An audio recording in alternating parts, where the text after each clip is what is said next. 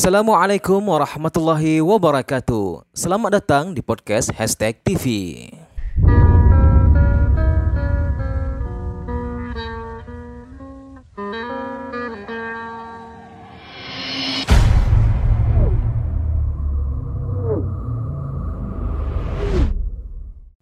Ma'asyiral muslimin yang dimuliakan Allah Subhanahu wa taala. Alhamdulillah di malam hari ini. Allah Subhanahu wa taala masih berikan nikmat kepada kita sehingga kita masih bertolabul ilmi walaupun lewat media Jabal Uhud. Dan pembahasan di malam hari ini kita akan membahas bagaimana kondisi saat wafatnya iblis laknatullah alaihi. Ma'asyiral muslimin yang dimuliakan Allah Subhanahu wa taala. Kita tahu bahwa iblis adalah musuh kita semuanya. Sejak Adam diciptakan kemudian Allah subhanahu wa ta'ala merintahkan iblis untuk sujud kepada Adam dan iblis pun menolak sehingga Allah subhanahu wa ta'ala katakan ma mana'aka antas juda lima khalaqtu biyadi. Apa yang mencegah muai iblis untuk sujud kepada makhluk yang aku ciptakan dengan tanganku? Maka iblis kemudian mengatakan ana khairu minhu khalaqtani min nar wa khalaqtahu min tin. Karena aku lebih baik. Aku diciptakan dari api sementara kau ciptakan dia dari tanah. Sejak itulah maka permusuhan iblis dengan Adam dan anak cucunya akan terus berlangsung sampai hari ini bahkan sampai kiamat dibangkitkan bahkan diriwayatkan oleh Abdullah ibn Ahmad di dalam Zawaid Az-Zuhdi dari Salam ibn Miskin dia mengatakan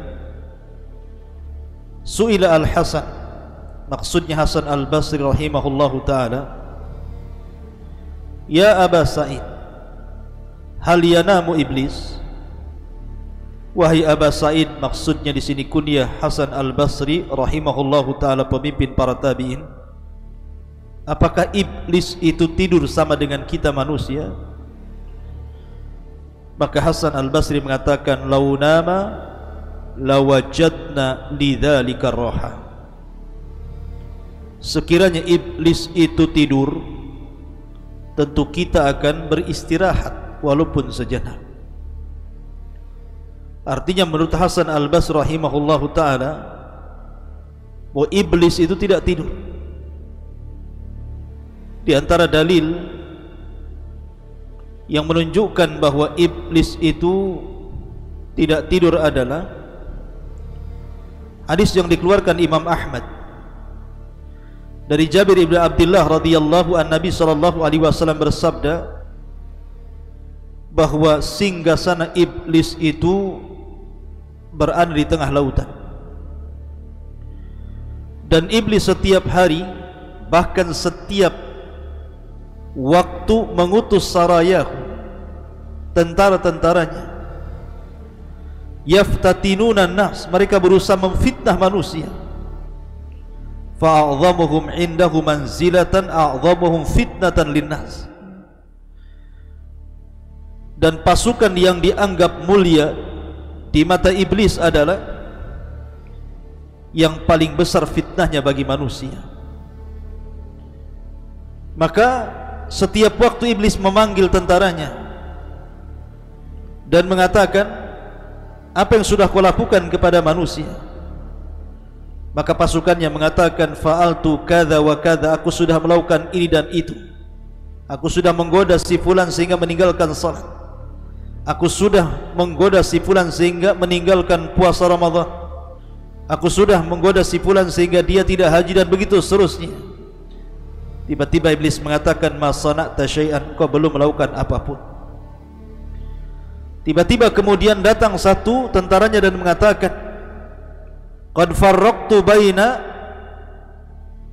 ar-rajuli wa baina imratihi Aku sudah membuat antara suami istri bercerai-berai Maka tiba-tiba iblis kemudian berdiri mengambil hadiah berupa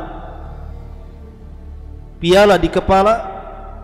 Kemudian dia pun mendekati orang itu dan meletakkan piala di atas kepalanya dan mengatakan ni'ma anta. Sebaik-baik pasukan yang kukirim adalah dirimu. Artinya bahwa iblis tidak tidur. Terus saja dia mengutus pasukan makanya menurut pendapat Hasan Al-Basri lau nama lawajadna lidzalika roha kalau seandainya iblis itu tidur tentu kami akan mendapatkan istirahat walaupun sesaat Walaupun pendapat ini ada yang membantah karena tidak tidur dan tidak mengantuk itu adalah sifat Allah Azza wa Jalla. La ta'khudhuhu sinatun wala nawm. Tetapi ini masalah khilaf di antara para ulama, wallahu a'lam. Tapi yang jelas bahwa iblis sebisa mungkin dengan berbagai macam cara metode dengan mengerahkan seluruh pasukannya menggoda kita anak Adam supaya menjadi pengikutnya dan sama-sama masuk ke dalam jahanam naudzubillah. Masyurul muslimin yang dimuliakan Allah Subhanahu wa taala. Tetapi bedanya iblis dengan kita. Kalau iblis itu diberikan oleh Allah Subhanahu wa taala tangguhan usia karena dia sendiri yang meminta kepada Allah Azza wa Jalla. Fa'angdirni ila yaumi yub'atsun tangguhkan diriku sampai pada hari dibangkitkan manusia dibangkitkan kiamat ini kepada manusia maka Allah Subhanahu wa taala mengatakan innaka minal mungdharin kalau begitu engkau termasuk orang-orang yang ditangguhkan artinya iblis diberikan oleh Allah Azza wa Jalla usia yang panjang sekali Berbeda dengan Adam dan anak turunannya dibatasi usianya. Ma'asyiral muslimin yang dimuliakan Allah Azza wa Jalla. Lalu bagaimana iblis mati? Kapan dia mati?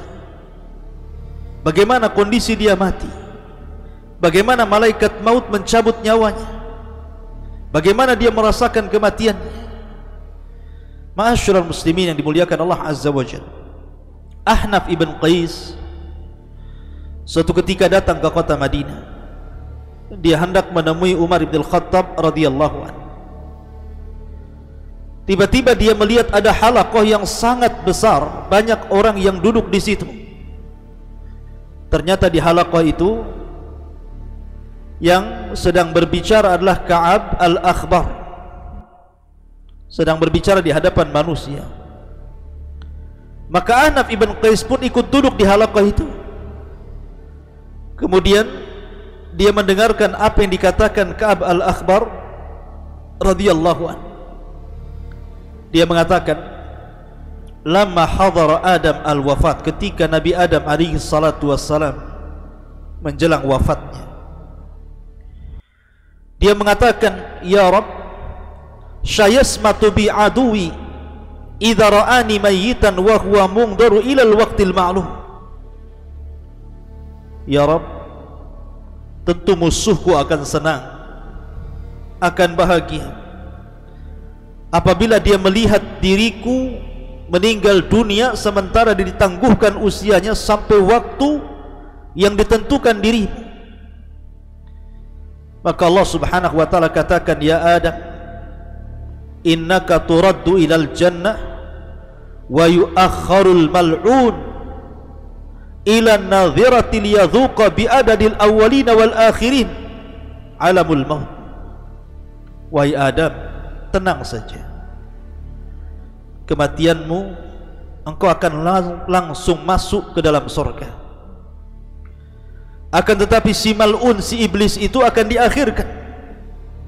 Sampai batas waktu agar dia merasakan sakitnya dengan jumlah orang-orang yang pertama dari yang terakhir bagaimana orang-orang itu merasakan kematian itulah yang akan dirasakan iblis. Kemudian Adam mengatakan kepada malakul maut sifli kaifa tudhikuhul maut sifatkan kepadaku bagaimana dia merasakan kematian. Falamma wasafahu Ketika malak, malakul maut mensifatkan kepada Adam bagaimana kematiannya Maka Adam mengatakan Rabbi hasbi hasbi cukup ya Rabb cukup ya Rabb Maka ketika itu manusia yang hadir di Alakoh Ka'ab al-Akhbar pun kemudian menangis Kemudian mereka mengatakan Ya Aba Abdurrahman Hadithna kaifa Yadhukul maut? Wahai Aba Abdurrahman ceritakan kepada kami bagaimana iblis merasakan kematian. Tetapi Kab al-Akhbar enggan untuk menceritakannya sehingga manusia merengek-rengek kepada al-akhbar. Kaab al-akhbar ini ceritakan saja kematiannya kepada kami maka dia pun menceritakan dan mengatakan idza kana akhirud dunya wa qarubatin nafkhah fa idan nasu qiyamun fi aswaqihim wa hum yatakhasamun wa yattajirun wa yatahaddatsun إذ بحدة أذيمة يسعق فيها نصف خلائق فلا يفيقون منها مقدار ثلاثة أيام ونصف الباقي من الناس تدحل أكلهم فيبكون مدهوشين كياما على أرجلهم كالغنم الفزئة حين ترى كتب لي Ma'asyur al-muslimin يقول dimuliakan أن الله عز وجل Ketika dunia sudah berada di akhir-akhir. Dan tiupan sangkakala sudah dekat dan siap ditiupkan. Tiba-tiba manusia sebagian mereka sedang berdiri di pasar-pasar mereka. Sebagian mereka sedang bertengkar. Sebagian mereka sedang berjual beli. Sebagian mereka sedang berbincang-bincang.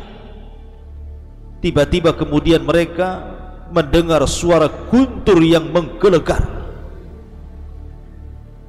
Maka separuh dari makhluk pun pingsan. Dan mereka tidak sadar kecuali setelah tiga hari. Dan sebagian manusia yang tidak pingsan mereka bingung. Mereka linglung. Mereka berjalan ke sana kemari tidak jelas tujuan mereka ketakutan seperti kambing yang sangat ketakutan ketika melihat binatang buas. Lah ketika manusia sedang seperti ini maka tiba-tiba mereka mendengar suara guntur di antara langit dan bumi dan tidak ada satu pun di permukaan bumi yang hidup kecuali Allah wafatkan. Maka ketika dunia sudah tidak ada lagi fatafna dunia wala yabqa adamiyun wala jinniyun wala syaitanun wala wahsyun wala dabatun. Ketika dunia sudah hancur tidak ada yang hidup apakah Bani Adam? Apakah kalangan jin dan syaitan? Apakah kalangan binatang-binatang baik buas ataupun binatang-binatang jinak semua sudah mati? Maka tiba-tiba iblis dia masih hidup. Karena dia tidak dicabut nyawanya kecuali sampai waktu yang ditentukan Allah Subhanahu wa taala. Apa yang terjadi dengan iblis? Maka Allah Subhanahu wa taala berfirman kepada malakul maut dan mengatakan wa inni khalaqtu laka bi adadil awwalina wal akhirina awana wa ja'altu fika quwwata ahli samawati wal ardi wa inni ulbisuka al yawma athwatal ghadabi was sakhati kulliha. Fa anzil bi sakhati wa ghadabi ila mal'uni iblis. Fa adhiqul mautah wahmil alaihi minal mauti mararatal awwalina wal akhirina minal jinni wal insi adhafan mudha'afa. Maka Allah katakan kepada malaikat maut, Aku sudah ciptakan dirimu sebanyak orang yang pertama kali diciptakan dan yang terakhir diwafatkan sebagai pembantu-pembantumu. Dan aku jadikan dirimu kekuatan yang melebihi kekuatan penduduk langit dan bumi. Dan aku telah pakaikan kepadamu hari ini pakaian kemurkaan dan kemarahan. Maka turunlah dengan kemurkaanku, kemarahanku, temui si malun iblis itu biar dia merasakan bagaimana sakitnya kematian. Angkatlah kepadanya bawalah kepadanya kematian yang sangat menyakitkan seperti sakitnya orang-orang yang pertama-tama dan orang-orang yang terakhir dari kalangan jin dan juga manusia saat kematian lipatkan rasa sakitnya kepadanya.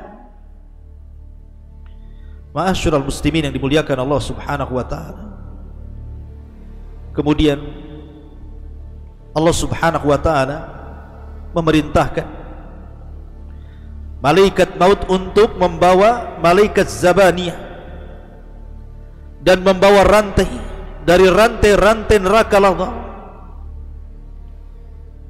Kemudian wa anzi ruhul muntina bi sab'ina alfa kilabatin min kalali biladha agar ruhnya dicabut dengan kalalib besi-besi bengkok sebanyak 70 ribu besi bengkok dari neraka lava. Kemudian Allah subhanahu wa ta'ala memerintahkan agar malaikat malik membuka pintu-pintu neraka. Maka malaikat maut pun kemudian menemui iblis dalam bentuk aslinya di antara langit dan bumi yang kalau seandainya penduduk bumi semuanya melihat bagaimana ngerinya malakul maut tentu mereka akan meleleh. Saking takutnya melihat malakul maut. Maka ketika kemudian malakul maut mendatangi iblis kemudian membentak iblis dan mengatakan kif ya khabis berhenti wahai khabis mau kemana kau pergi maka kemudian iblis pun pura-pura pingsan. Kemudian dibentak lagi oleh malakul maut dan mengatakan kif ya khabis? Kif ya khabis? Berhenti wahai khabis. Sesungguhnya aku akan mencabut nyawamu dan kau akan merasakan pedihnya kematian. Maka iblis pun kemudian lari lari ke arah timur. Ternyata malaikat maut sudah ada di hadapannya lari ke dalam lautan kemudian menyelam. Ternyata di situ pun sudah ada malakul maut. Kemudian lari ke arah mana? Di situ sudah ada malakul maut. Sampai ketika tidak ada tempat lagi untuk lari maka dia pun sampai di kuburan Nabi Adam alaihi salatu wassalam. Ketika di depan kuburan Nabi Adam dia mengatakan ya Adam wahai Adam sebab dirimulah aku terlaknat. Duhai kiranya aku tidak tercipta sebagai iblis. Dia menyesal. Ma'asyurah muslimin yang dimuliakan Allah subhanahu wa ta'ala. Maka iblis pun mengatakan kepada malakul maut sebelum dicabut nyawanya wahai malakul maut sekiranya kau cabut nyawaku kira-kira minuman apa yang akan kau berikan kepadaku? Maka malakul maut mengatakan engkau akan meminum dari air neraka lava. Ma'asyiral muslimin yang dimuliakan Allah Azza wa Jalla, air neraka sakar, air neraka jahim, air neraka yang sangat panas berlipat-lipat. Maka mendengar hal itu iblis yatamarra kemudian berguling-guling di tanah. Kemudian dia pun berteriak lagi kemudian dia berusaha lari ke arah timur dan barat ke arah selatan dan utara tapi tidak ada tempat kecuali ketika dia sampai ke tempat di mana Allah turunkan dia di bumi maka malaikat maut pun kemudian mencabut nyawanya dan dia merasakan sakit seolah-olah rasa sakit yang dikumpulkan dari setiap sakit manusia jin saat dicabut mulai dari yang pertama hidup sampai yang terakhir mati. Masyurul muslimin yang dimuliakan Allah Subhanahu wa taala. Kisah ini terdapat dalam Tanbih Al-Ghafilin bi ahadis Sayyidil Anbiya'i wal Mursalin dari Abi Lais As-Samarqandi Al-Hanafi yang wafat pada tahun 373 Hijriah. Akan tapi sanad riwayat ini riwayat yang tidak ada sanadnya. Riwayat yang tidak jelas sanadnya boleh jadi ini riwayat Israiliyat yang menghabarkanlah Ka'b al-Akhbar dan Ka'b al-Akhbar ma'ruf dahulunya seorang pendeta yang masuk Islam di zaman Khalifah Umar bin Khattab sehingga banyak mengkisahkan tentang kisah-kisah Israiliyat artinya tidak bisa dijadikan hujah tentang kisah ini.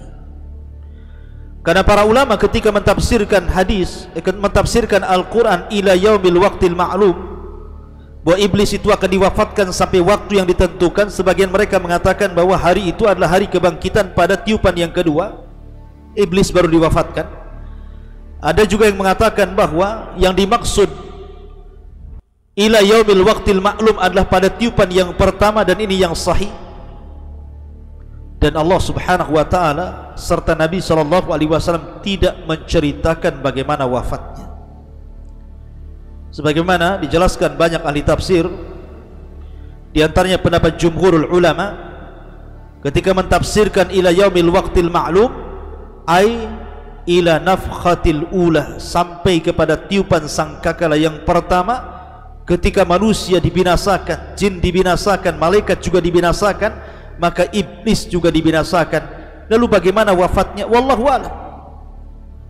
Apakah seperti yang saya kisahkan tadi maka saya katakan kisah yang tadi saya ceritakan itu adalah kisah Israiliyat yang tidak bersanad. Maka kita katakan wallahu alam bagaimana wafatnya wallahu alam yang jelas Allah Subhanahu wa taala lebih paham dan lebih tahu bagaimana dia mencabut nyawa iblis laknatullah alaihi wallahu a'lam bishawab subhanaka wa bihamdika. Asyhadu an la ilaha illa anta astaghfiruka wa atubu Allah taala assalamualaikum warahmatullahi wabarakatuh